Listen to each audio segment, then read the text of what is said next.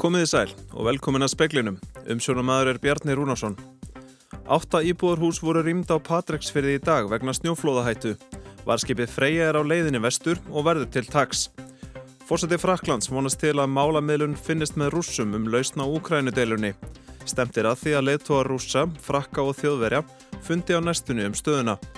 Menningamálar á þeirra bóðar að ríkisútvarpið verði tekið af auðlisingamarkaði. Fórsetisrað þeirra segir þá aðgerð ekki meg að skerða stöðu rúf. Formaður flokks fólksins skorar á atvinnuvega nefnd alþingis að taka frumvarp hennar um bann við blóðmerahaldi til umfjöllunar. Fjöldi umsagna hefur borist um frumvarpið. Um 1200 manns hafa fengið sangirnir spætur vegna yllrar meðferðar á vistheimilum á senustu öld. Hátt í fjórir miljardar hafa verið greitir í bætur. Peningar græða þó ekki þau sár sem fólk hlaut að mati umsjónamanns sangirnisbóta. Átta íbúarhús á Patreksfyrði, auk yðnaðarhúsnæðis og sveitabæja á Ísafyrði og Bólungarvík voru rýmt í dag vegna snjóflóðahættu. Hættustegar á svæðinu eftir mikið fannferki síðustu daga. Hættustegar á Patreksfyrði og óvissusteg á vestfyrðum öllum vegna snjóflóðahættu. Á Patreksfyrði hafa átta hús verið rýmt. 28 búa í húsunum og hafa tíu þeirra haldið til hjá Rauðakrossunum en aðrir flutt sig til vina eða ættingja.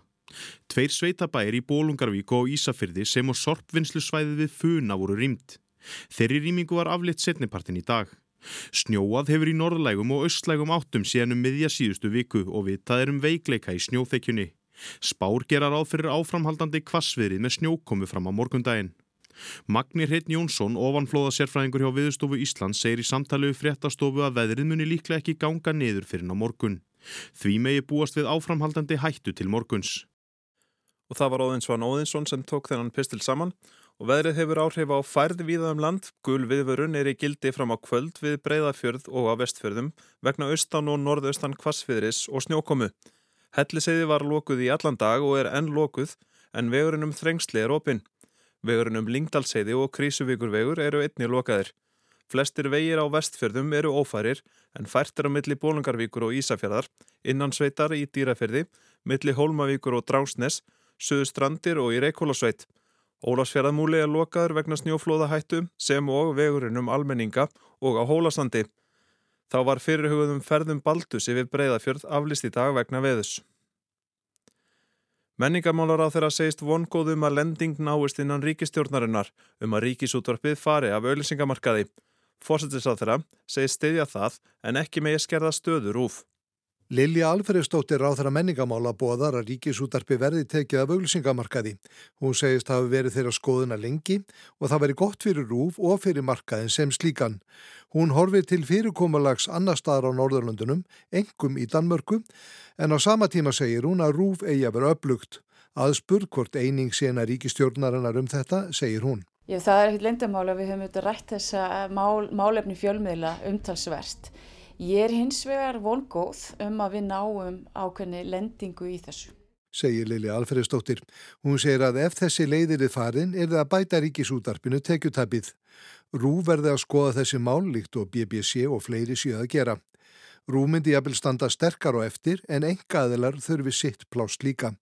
Slæmt sé hvað þeim hafi fækkað sem vinna á fjölmjölum því aðhaldi sé nöðsilegt stjórnmálunum og viðskiptalífinu. Hins vegar er það svo að það er brínt að ebla starfs, uh, uh, starfsumhverfi í íslenskra fjölmiðla. Við sjáum öll hvað er að gerast og ég vil ekki að það gerist á minni vakt að þeir veikist enn frekar. Katrín Jakobsdóttir forsættisráður að segja eflaust með finna góða lausnamálinu en minnir á að auglýsingatekjurnar eru verulegu hluti af tekjum rúf. Já, mín afstæði því hefur nú löngum verið svo að mér finnst ekki óðurlegt að rúf fara af auðlýsingamarkaði en ef það á að gerast þá þarf rúf að fá það bætt því það hefur verið okkar afstæði vafki að það sé mjög mikilvægt að hafa upplugt almanna útvarp ekki síst í svona litlu samfélagi þannig að við höfum verið mjög opinn fyrir því að ríkisútvarpi fara af auðlýsingamarkaði en það sé þá alveg skýrt að það skerði ekki stöðu ríkisútarsins. Saði Katrín Jakobsdóttir, Haugur Holm saði frá. Emmanuel Macron, fórseti Fraklands, tilur mögulegt að finna lausn á deilunni millir rúsa og vesturveldana um málefni Úkrænu. Hann hitti fórseta Úkrænu í dag til að ræða stöðuna í deilunni. Macron hjælt í gær fund með Vladimir Putin fósetta Rúslands og kom svo til Úkrænu í morgun til að funda með Volodymyr Zelenski fósetta landsins. Eftir þann fund sagði Macron að Putin hefði sagt við sig að hann myndi ekki stöðlað aukinni spennu vegna Úkrænu. Changé avec le président Poutine, il m'a dit qu'il ne serait pas à l'origine d'une escalade. Je pense que ça a son importance. Þetta er mikilvægt, segir Macron. Talsmaður Pútins sagði reyndar í morgun að ekkert samkominnlag hefði náðst á milli þeirra í málinu en Pútín hafði sjálfur sagt að hann telti mögulegt að finna málamiðlun á milli rúsa og vesturveldana. Selenski sagði við sama tækifæri að hann byggist við að í nánustu framtíð erðu viðræður á milli leðtóa Rúslands, Fraklands og Þýskalands um lausna og deilum og átökum í austurhluta Úkrænu. Hann kallaði jáframt eftir því að Pútín greipi til aðgerða til að draga úr spennu. Almennt treysti hann ekki orðum fólks heldur því að allir stjórnmálamenn getur skýrt afstöðu sína með aðgerðum.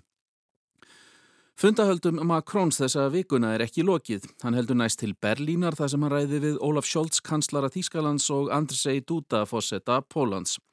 Ólíklegt er að þessi fundahöld skili þó strax einhverji niðurstöðu. Hallgrimur Indraðsson saði frá. Inga Sæland, formaður flokks fólksins, skorar á atvinnuvega nefnd alþingis að taka til umfyllunar frumvarpennar og þingflokksins á samt tveimur þingmunum vinstri grætna um dýravelferð sem fjallar um bann við blóðmerahaldi. 129 umsagnir haf, hafi borist um frumvarpið sem er með því mesta sem, sem berst. Frumvarp, frumvarpið hafi einungis einu sinni komið fyrir atvinnumvega nefnd og því kallar hún eftir samstarfið þingsins. Það er í rauninni bátt að finna það hversu veikur maður er í stjórnar anstöðu þó maður sé fangin að vilja og, vinni eins og ég veit ekki hvað, eins og alvöru hestur, sem dregur uh, alvöru þunga á eftir sér til þess að bæta stöðuna í samfélaginu. Það er sorglegt, virðulegi fósetti, ef það er virkilega svo að stjórnvöld heikist við að taka utanum mál sem jafnvel öll þjóðin kallar eftir að fái þinglega meðfyrir hér. Þannig að ég bara skora á okkur öll í atvinnuveganemnd og háttvirtan formann nefndarinnar, Stefán Vagn Stefansson, Þetta var Inga Sæland. Sektarlaus vika hófst á bókasafni Kópavóks í gær og býðst fólki nú að koma með bækur í vanskilum en sleppa við sekt. Aðalmálið er að sögt deildastjóra þjónustu að fá bækurnar heim svo hægt sé að lána þær út áfram. Ertu enn með bók heima af bókasafninu síðan fyrir pláuna eða eftir gósið? Skuldarðu svo mikið að þú þorir ekki að horfa í augun á okkur? Færðu martraðir af bókavörðum að banka upp á hjá þér með borvél í hönd?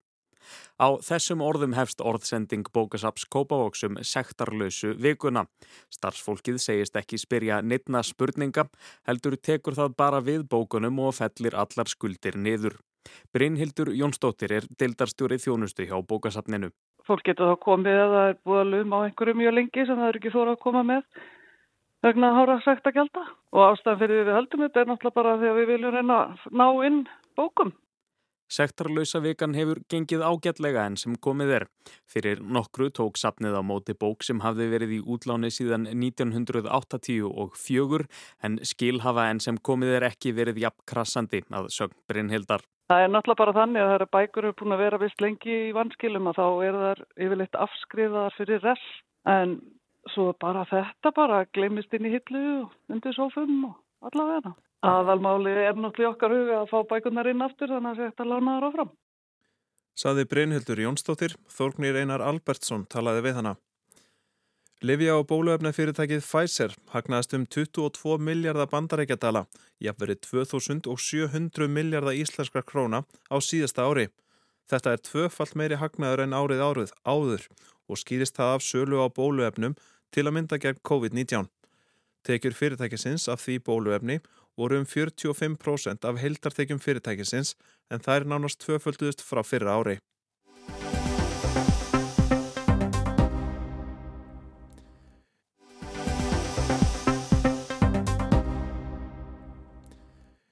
Í speklinum í dag höldum við áfram umfjöldun okkar um skipulagsmáli í Skerjafyrði í Reykjavík. Rætt verðið Pavel Bartosek, formann skipulags og samgöngur ás Reykjavíkuborgar um áform hennar í Skerjafyrðinum en gaggrind hefur verið að náttúrulegri fjöru í ferðinum verði fórnað nái áform um uppbyggingu fram að ganga. Í síðar hluta þáttarins höldum við svo áfram að rifja breyðavíkur málið og tengd mál. Við ræðum við formann sangirnisbóta um áhrif breyðavíkumálsins og hvaða réttlæti felist í því að greiða fólki peninga fyrir þá meðferð sem börn og fullornin máttu sæta á ýmsum heimilum á seinustu öld. En fyrsta skipulagsmálum. Í speklinum í gær var rætt við Ólaf K. Nílsen, formann fugglavendar, en hann hefur ásamt fjölmörgum öðrum gaggrínt áform Reykjavíkuborgar um landfyllingu í Grófavík í Skerjafyrði. Landfyllingin er fylgifiskur fyrir hugaðar 1300 íbúða byggðar vestan við söður enda Reykjavíkuflugvallar. Landfyllingu verður á ríflega 700 metra löngum kapla sem næði 100 metra út í sjó. Í frumátt skýslum sem verkfæðistofan Ebla gerði fyrir Reykjavíkurborg kemur fram að framkvæmdinn hefði talsvert neikvað áhrif á fugglalíf og vendarsvæði og verulega neikvað áhrif á gróður, strand og sjávarlífriki. Pavel Bartosek er formaður skipulags og samgöngur ás Reykjavíkuborgar. Speilin rætti við hann í dag og spurði fyrst hvort nöðsulegt væri fyrir nýja byggð að fylla upp í víkina. Það er hægt að byggja upp hverfið þannig séð án þess að fylla upp í víkina. Hverfið er þá bara minna, fámennara og minna sjálfbært. Ef spurningin er myndi ákvörnum að falla frá þessar landvillingu hafið för með sér að hætti fyrir alla uppbyggingu, þá er það ekki. Hins vegar teljum við að hverfi getur orðið talsvert betra, sjálfbarara og fjölmennara með því að ráðast í landvillingu á þessu stað. Og á samanskip er, er í strandleikin líka einhver leiti kannski aðgengilegri fyrir þá nótundum sem þarna eru. Nú hefur þetta verið gaggrínt af ímsum, fugglavernd, náttúruvendarstofnun, skipulastofnun og fleirum. Er það þess virði að fórna já, náttúrulega umhverfi fyrir þetta? Sko ég vil kannski segja að við höfum nálgast þetta mál af mikilli nærgætni og fagleika á, á öllum stíkum málsins. Við höfum ráðist í gerð umhverfismat sem er ekki lögbundið með að við stærð þessar fyllingar en enga síður vildum við ná fram rauninni umfang allara þessar áhrifa sem þetta koma fram og það verður þetta líka að skoða þetta ljósallara þessar mótvægisaðgerða sem bóðar eru á sama tíma. Ég hef náttúrulega heyrt það og svona með við málflutning kannski þeirra sem er á mótis á þessum náttúrufórsöndum að menn eru kannski ekki beinlist bara óttast landfylgningu þannig einn og sér heldur vil, vil fólk draga ákveðna línu í sandin og tryggja það að verði áfram einhverja náttúrulega strendur í Reykjavík. Og ég skil alveg það sjónamið og við gerum það alveg. En þá verður þetta að taka með reikningan við höfum ráðist í talsverð mikla friðlýsingar á strandlegjunni. Það búast friðlýsa strandlegjuna innan af þessari fyrirhugðu landfyllingu, þessari í fósfójunum sjálfum og síðan er svæði sem er við skerjaförðin sem utar er þegar hverfisvendað og við höfum ráðist í það ferli við að friðlýsa því. Ásamt í að ráðist í ferli að friðlýsa tveimur öðrum strandlegjum Reykjavík, það sé í Grafavóginum og síðan við Blíkastagró. Þannig að ef að nálgun væri svo að sveitafélagi væri hægt og bítand að seilast í það að gera alla náttúrulega strandlegjunu að engu, þá værum við allavega ekki að stíga þessi skrif. En nú er það einmitt þetta sem að e, gaggrindu benda á, að þetta hafi smám saman, sagan hræðir að strendunar, fjaran, hún er smám saman að hverfa undir bygg. Já sko, þá verður auðvitað að nefna það að við búum að einhver leiti, við búum í borg og það er auðvitað alltaf ákveðið sjónamið og ég get náttúrulega ekki tekið undir það að e, tilkoma nautorsvíkur og bastindur þar hafi eðilagt hérna náttúrulega upplifun fólks á svæðinu heilsinni. Þetta móti vil þetta eins meina að nautósikinn hafi tryggt betur aðgengi almennings að þessum mittum náttúrgæðum sem félast í fósfóðunum. Þetta kemur fólk í sjósund og sigla á kajak og stundar sína siglingar. Þannig að þetta svona frekar opnar aðstöðun ef eitthvað er. Og ég held til að mista þegar nýja göngubrún kemur yfir skerjafjörðin, það myndir það frekar, enn frekar íta undir það að svæði við nýtt. Það myndast til dæmis flottur hlauparhingur sem fólk getur byrjað í nautarski og hlaupið út í fósfóðin og síðan eftir hásnesinu og brúna tilbaka sem verður þryggja fjóra kilómetrar hingur sem ég veit að verður mikið notaður. Þannig að það eru, eru alltaf einhver sjónamið og ég get ekki tekið undir að sko, allar breytingar á strandleikinni í Reykjavík hafi í sér eigðileggingu. Sumar þeirra eru einfallega nöysilar með hljóðis á þess að við búum í borg, til dæmis hafnargerð eða gerð svona baðstrendar eins og gerð var í Nautasvík. Það talaði um í undirbúningi að þessari framkvæmd að það verði þarna ráðist í mótvægis aðgerð mm -hmm. og að það verði freista þess að búa til strandlengju að það verði myndist þarna smá saman leirur. Ólaður Nilsson kallaði þetta tálsín. Það er engin trygging fyrir því að þetta takist. Ég niðurstaðan að sérfræðingana sem í frumaskíslunni er svo að þetta munni ganga tilbaka að þarna er, voru settar upp nokkra sviðismyndir og svo þeirra sem gekk best var að setja svo kallar bótt auksl sem er satt steift mannvirki neðan sjávar með tölverðum halla sem tryggir þá að, að set getur borist inn í fjöruna en best ekki tilbaka í, í stórfjöru. Og þannig smám saman sapnast fínefni sem gerir það verkum að, að þetta gengur baka. En það er rétt, það gerist ekki á einum eða tveimur árum en gerist smám saman og þetta aftur sýnir kannski þá nálgun okkar að við hugsaum þetta ekki eins og var gert á Norðurströndinni þar sem eintal fórum gerðir svona varnagarðar eða rúað einhverjum grjótu heldur erum við að hugsa um það að finna leiðir til þess að þessi náttúrulega stönd geti einhvern veitur komið tilbaka. Er einhugur innan meirlutans að fara í þessa framkvæmd? Það kannski verður bara komið ljós en við náttúrulega lögðum öll eh, áherslu á aðalskipulagið og samtutum það með öllum greitum atkvæðum þar sem þessi landvilling var raun að minguð frá því sem áður var. Hún í upprannlega aðalskipulagið 2010-30 gerir ráð fyrir hún yfir 6 eða fleiri hektarar og við minguðum hana og það hefur allavega einhugur að fara í eh, þetta ferli við að fara í umhverfismatið. Svo verður kannski fólk aðeins að, við getum bara að tala verið sjálfa mig, en ég myndi auðvitað aldrei ráðast persónulega í allt þetta ferli ef ég telt ekki að væri eitthvað unni með því að fara í þessa landfyllingu og eins og ég segi þá þetta skilum að vel sjónamiðin um náttúruvendina á samanlbaka þá er þetta lofslagsjónin líka. Við viljum hafa fleiri íbúið svona stað á þessum góða stað til þess að hverfið getur verið sjálfbara, til þess að getum haft skólakverfi sem funkar vel og við getum haft vestlunum þjónustu sem þrýfst innan hverfis og það munar um 300 íbúið sem þýðir þá 1000 íbúar til og frá. Verður þetta skerðifjármál, verður þetta kostningamál í voru? Það getur alveg orðið svo að það er ekkit óðurlegt að svona mál sem varða skipulagsmál séu mál sem fólk tekur einhver leiti ákvörðun um og mín skoðun hefur þetta verið svo að vera alltaf fylgjandi uppbyggingu í Vasmírinni og ég held líka að þessi kannski tímabætti við ræðum að skipula í Varsmíði hilsinni, það var þannig að við kursum í Reykjavík fyrir 20 árum síðan um að flugullin skilti fara burt og þó svo að við höfum byggt smásam upp á svæðin þá hefur það kannski ekki gerst næla hrætt að sumra mati. En það er auðvitað líka vinkill í þessu að það er ekki bara þetta svæði heldur verður þetta líka til framtíðar vonandi partur af heildarskipula í íbákverðis í Vassmýrinni. Þannig að ég allavega, get alveg átt vonum að vera kosum þessi mál eins og hefur verið kosum um þau undanfatna kostningar. Þetta var Pavel Bartosek, Kristján Sigur Jónsson rætti við hann. Frá því að Breiðavíkur málið kom upp fyrir 15 árum hafa hátt í fjórir miljardar verið greitir í sangirnir spætur til þeirra sem byggu við slæma kost og meðferð á vistheimilum á vegum ríkisins og sveitafélaga. Um 1200 manns hafa fengið bætur. Peningar duga þó ekki til að græða sár þeirra sem áttu þóla ítla meðferði í æsku. Í gær var rætt við Bárð R. Jónsson sem er eitt breyðavíkur drengjana sem stegu fram og sögðu sögu sína fyrir 15 árum. Frá þeim tíma hafa fjöldamörg mál komið fram þar sem uppkomst um slæma meðferð á börnum og fullordum á senustu öld. Yfirleitt valdi fólk á þessum heimilum af ítri nöðsin og var komið fyrir vegna vandamála sinna, stóra og smára. Í dag ræðum við við Haldur Þormar Haldursson um sjónumann Sangirnisbóta. Hann annaðist bótagreislur í breyðavíkurmálinu og einning í fleiri sambarlegum málum.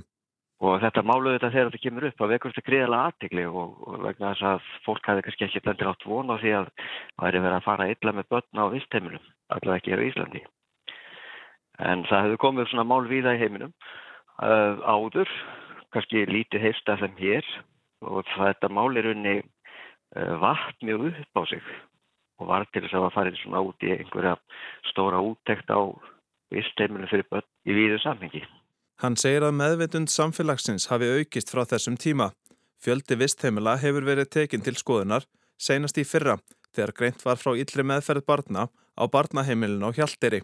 En eh, einhvern veginn er það þannig í samfélaginu sem að ég veit ekki hvað ákveður staðar að, að samfélagi verið stundum tilbúið að hlusta á stundum ekki. En það var svo sem búið að vekja aðtikla á fímáli til dæmis fyrir allmarkum árum. Án þess að er unin viðbröð við því. En það sem er kannski það óþægilega er að þessi máli alltaf komum aftur og aftur á þess að verðin en heldar umræða um máli. En telur haldur að mál úr fyrndinni séu enn ekki komin fram í dagsljósið? Engin ástættir allan að. Og það sem eru þetta kannski svona ímis heimili sem er kannski mjög erfitt að kanna eins og sveita heimili og enga heimili. Það sem að einhverjum tilökum börn hafa eflusóri fyrir eitthvað meðferð og hafa einhverjum tilökum sagt frá því. En könnun á því er alltaf mjög erfið vegna sem er að enga heimili fólk sem hafa hluti látið og svo framvegis. Það sem að fyrst og fremst hefur kannað er stopnarnir á vegum ríkis og sveitafélag. Og svona heimili, svona enga heimili, þau eru ennþá starfandi út um, út um. Hvernig er fylst með velferð barnana á þessum heimilum í dag? Það er náttúrulega þetta allt annað heldur en það var um miðja síðustu öll. Það er þessi atbyrði sem við erum að tala um áttu sér stað og reyndar um, allt framöndi aldamót og eftir aldamótið. Þannig ég hegnu að það sé allt annað í dag. En eins og það sem að eitt af því sem að vakti, eitt af mest aðtegli mína var rauninni hvað þessi mál snertu nútíman mikið. Að þá er þetta að tala um illa meðferð á börnum alveg framöndi aldamót.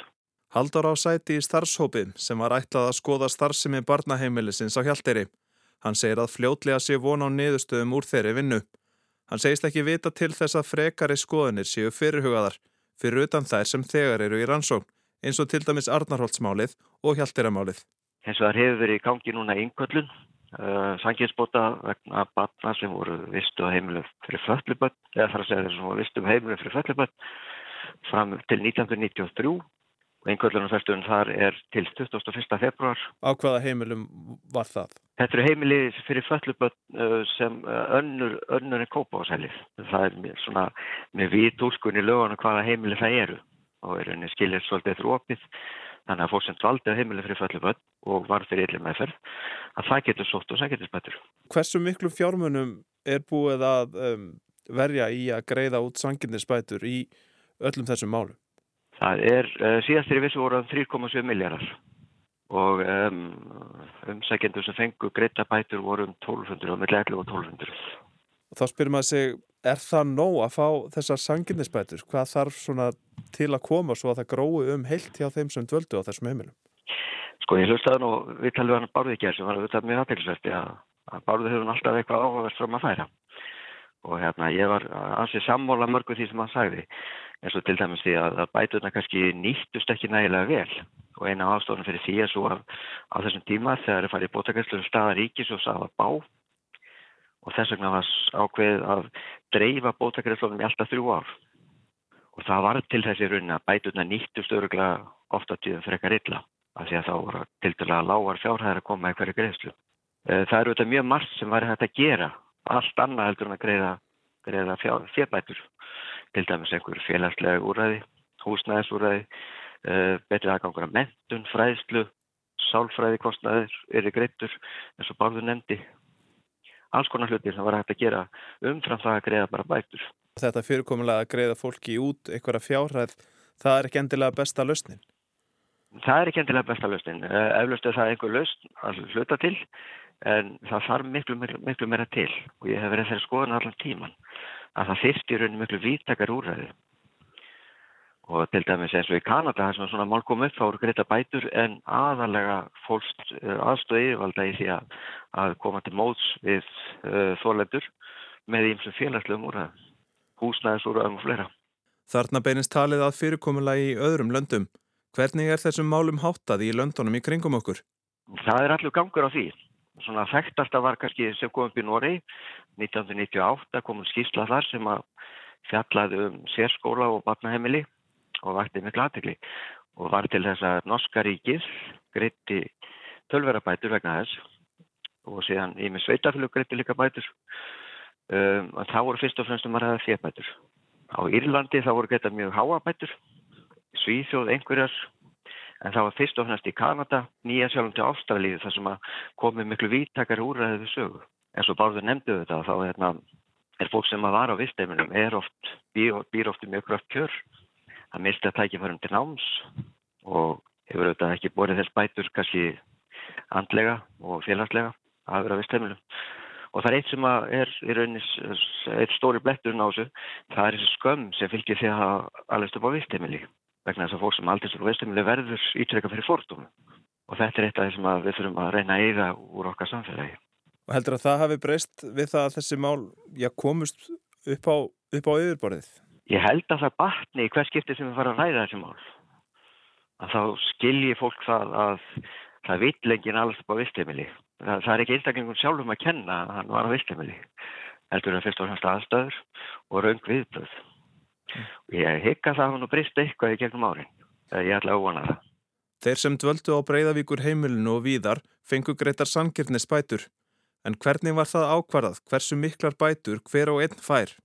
Eitt af vandamálunum við það að greiða sanginsbætur á sín tíma var að heimilin sem um var að ræða voru mjög ólík. Það voru ekkit öll heimilin eins og Breiðavík Þau hefðu mjög ólíka starfstíma, störfuð ólíka tíma, starf sem sumrastóður er mjög langan tíma og það var breytilegt eftir í rauninni hvað vindar blésu í samfélaginu hverju sinni, hver meðferð þeirra sem döld á heimilunum var. Uh, rauninni voru bætuna byggðartaldi á skýrslum viðsleimunemndar og uh, þeirri niðurstöð sem þar var, dvalar tíma, vistuna tíma og ímsi þætti sem var teknið inn. Þannig að bætuna fyrir sum heimilinu voru nokkuð háar en lægri fyrir önnur og það eftir ofta því að það voru ofta um að ræða skamtímavistun, einhver neyðarúræði og síðan eru þetta mjög erfitt að sína fram og nákvæmlega í hverju hvaða einstaklingu lendi. En það var í sjálfu sér reynd alltaf að búa til svona einhver ákvæmna myndastaf sem er heimilins á þessum tíma og hverju má tella líklegt að einstaklinguna hafa orðið fyrir. Eitt af þessu vildi nefna sem að Bárður nefndi í samtælinu gerð var að hugmyndur um skadabætunar þegar það komið fram á sín tíma hafi verið svona kannski ekki mjög veglegar og ekki neinu samræmi með það sem að við rauninni hafi verið að gerast og hann nefndi þetta hugtak sanginnisbætur þetta hefði einhvern veginn sprottu upp. Þetta hugtak á sér rauninni ákveðna fósendur sem að er úr, úr frá Noregi en þar hefur um 200 ára skeið verið greita sérstaklega bætur til fólk sem að í rauninni á engan annan bótarétt vegna einhvers tjón sem að ríki hafi valdið og um, það er rauninni það kerfi sem að var svona svolítið verið að hugsa um hér vegna þess að í rétt er það þannig skadabótarétti að þá eru rauninni ákveðna sönnakröfur og síðan má tjón ekki með rauninni skafabótakröfur ekki vera fyrndar. Svona fyrningatíma skafabótakröfna er yfir tíu ár en þarna voru þetta allar kröfur lungu-lungu fyrndar. Þannig að það væri rauninni ekki hægt að nota þau viðmið sem eru almennt í skafabótarétti til þess að fjalla um þessa kröfur. Í skafabótarétti er það þannig, það er alltaf fyrst að sína, fyrst að sína fram á það, það hefur vorið tjón, öðru lagi að um, einhverju sé valdur á tjóninu og í þriðalega svo sem allir tjóninu sé skadabóta skildur. Og í öllu þessu styrlökum þá var ekki hægt að sína fram á neitt af þessu, þannig að það var líðan svo langur tími, gröfuna voru fyndar, það var ekki að sanna tjónið. Og í því fælst húttæki sanginni að það er rauninni vikið fram hjá þessu og ákveðið að greiða bætur þrátt fyrir að sönna gröfunar séður rauninni óuppfylltar. Óttastu að mál sem þetta, þetta komið til með að endur taka sig? Kanski ekki að þessari starfagráð sem hefur verið. En ég óttast já að það muni alltaf koma upp uh, mál öðru hverju það sem hefur verið að greina frá óbeldingarverðbönnum sem að áttu að njóta venda ríkisins. Og þau eru raunin alltaf að koma fram öðru hverju. Það er auðvitað mjög erfitt fyrir þólendur, þetta er mjög erfitt fyrir samfélag, þetta er mjög erfitt fyrir stjórnvöld hverju sinni.